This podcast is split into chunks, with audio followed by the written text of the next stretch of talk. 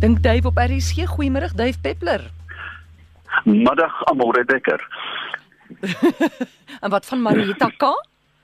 En Marieta K en luisteraars, jammer tog, jammer tog. Okay. Dave, hierdie tyd van die jaar, mense is neerslagtig. Hoe belangrik is gemeenskap? Nou ja, hier kan ek nou vir jou 'n storie spin soos min. 'n Week gelede het ek verhuis na 'n 'n gemeenskap aan die aan die rand van Stellenbosch. En jy weet hoe lyk jy na 'n dag se trek, né? Mm. Dit is vol stof en spinnerakke. Een vir een het die straat se mense gekom aan môre tot by die hekkie en gesê: "Naand meneer, my naam is Tikkie. Welkom in ons straat.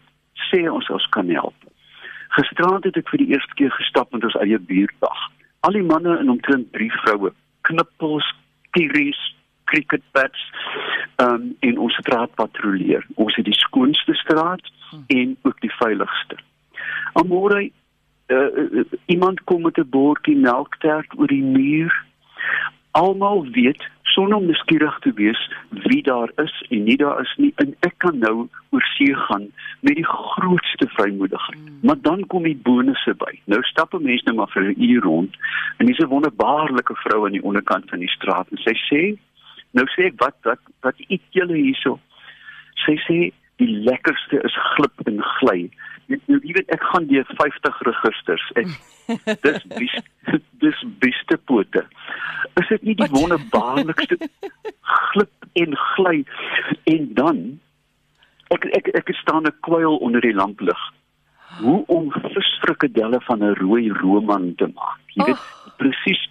Weet jy ek mm. was ek was oorweldig deur heimwee twee redes. Die feit dat dit vir so lank nie blootgestel is aan sulke eerlikheid en menslikheid nie mm. en teruggedink aan my dae as kind in Robertson toe 'n straat so gefunksioneer het dat mense geweet het wie is siek ons het 'n klein uh, WhatsApp groepie dan kom jy 'n uh, Gertie voel nie lekker nie 'n vrou stap verby 'n bejaarde dame met 'n bossie um, kruie in die hand ek sê in waan toe sy sê nee as wynryk want sy sy gaan gou haar vriendin se bloed skoon maak. Ja. Ek, ek is oorweldig amore. Ek is am, in dit is die vesels, hierdie klein geselsies, die die die stukkie koek oor die muur wat 'n gemeenskap funksioneel hou en en en heg. En jy jy kan maar weet ken jy al jou bure in jou straat? Die antwoord is heel moontlik nee. Uh, ons het nie tyd nie. Hier is is die is die vesels geïntegreer in die daaglikse lewe. En en en juist daarom dink ek, mens moet hierdie tyd van die jaar bietjie uitreik.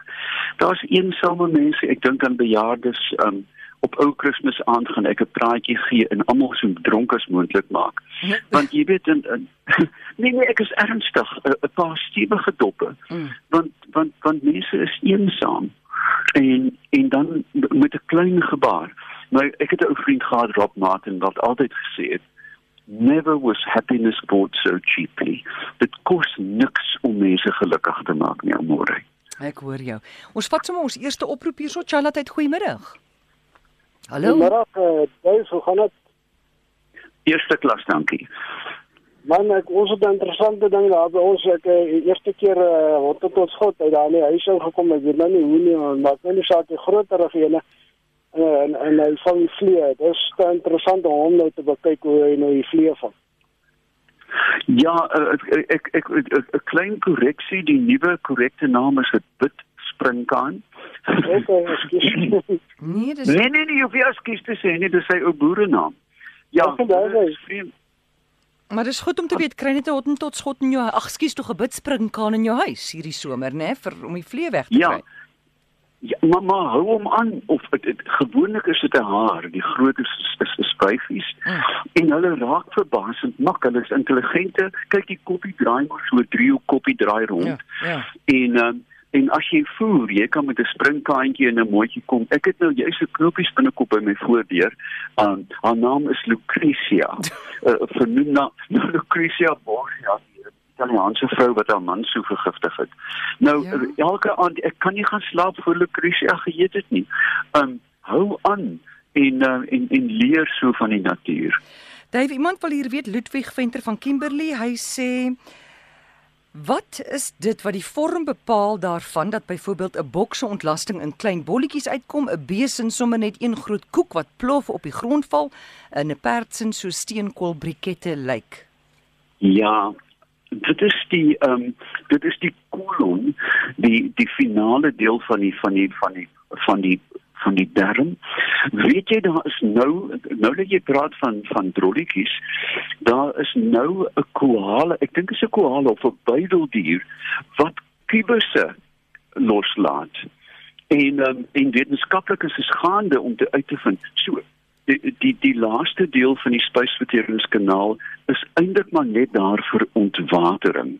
Die die die vertering het klaar plaasgevind en uniek aan elke dier ehm um, primate het almal blertse uh beeste en en gesplete hoefdiere het hoofsaaklik los uh ontlasting. Maar dan is daar byvoorbeeld die konyn wat lyk na 'n smartie na 'n vet smartie die rede daarvoor is dat hulle hulle eie ontlasting eet. Hulle die die spysvertering gebeur twee maal So hulle het 'n normale ontlasting en dan hulle 'n uh, hersirkulasie ontlas. So dit is bloot 'n funksie uh, van die unieke koolon van verskillende diere waar die finale water uit uit om, om water te bespaar en dan um, is is daar spiere wat die wat die fisies dan druk um, en om om so die maksimum water uit te kry en in verskillende diere is daar verskillende hmm.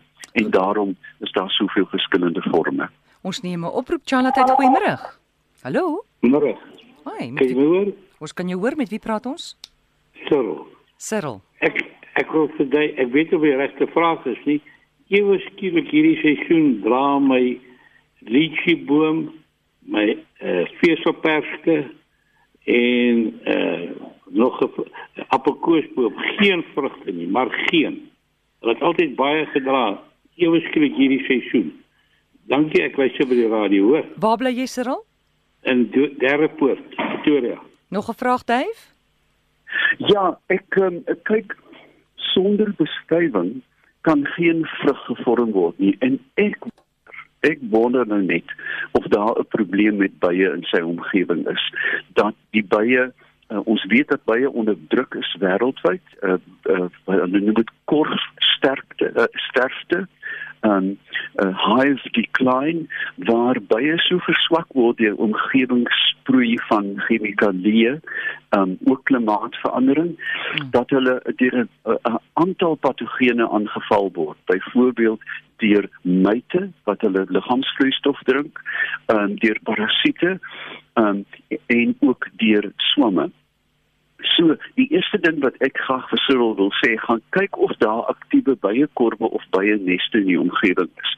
Volgende jaar met met bloeiseltyd sal dit raadsaam wees om vir, vir 'n byeboer te vra om 'n byekorf in sy tuin of in sy in, in sy agterplaas te sit. En ek kan byna waarborg dat uh, die bome weer gaan vrugte dra. Goed, Anne Marie wil weet wanneer gaan jy weer Indië toe? Ooh, en uh, wie ek kan nie wag nie. Ek gaan van 2 tot 12 April ehm um, gaan ek weer Indië toe. En jy weet hoe ek opgegee het verlede jaar aan Morey.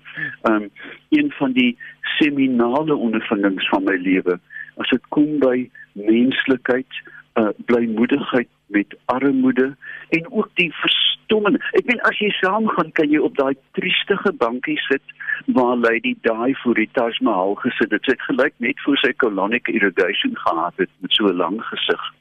Ehm um, maar jy weet dit is 'n verstoors gaan hoofsaaklik na Uttar Pradesh in die noorde uh, waar jy die jy weet die Varanasi die oudste bewoonde stad in die wêreld die Taj Mahal ons gaan hier ons het verlede jaar wilde Bengaalse tiere gekry. Mens kan nie dink dat daar nog wilde gebiede in Indië is nie. Dis 'n verbluffende toer en ek skat daar's nog 'n paar plekke oop as iemand belangstel. Uh, tref my op Facebook dave.peppler.co.za. Ons vat nog 'n oproep China tyd hallo. Ek wil graag met jou praat asseblief. Enige tyd, jou naam? Ja, wat is? Goed Gert, praat maar. Hallo Dave, Gerard van die Parel. Hallo, aangenaam ek. Ek wil graag weet Hoekom as 'n hond wil ontlas en jy vat jou twee pinkies en jy trek dit teen mekaar dan sal hy hond nie, dan sal hy glad nie ontlas nie.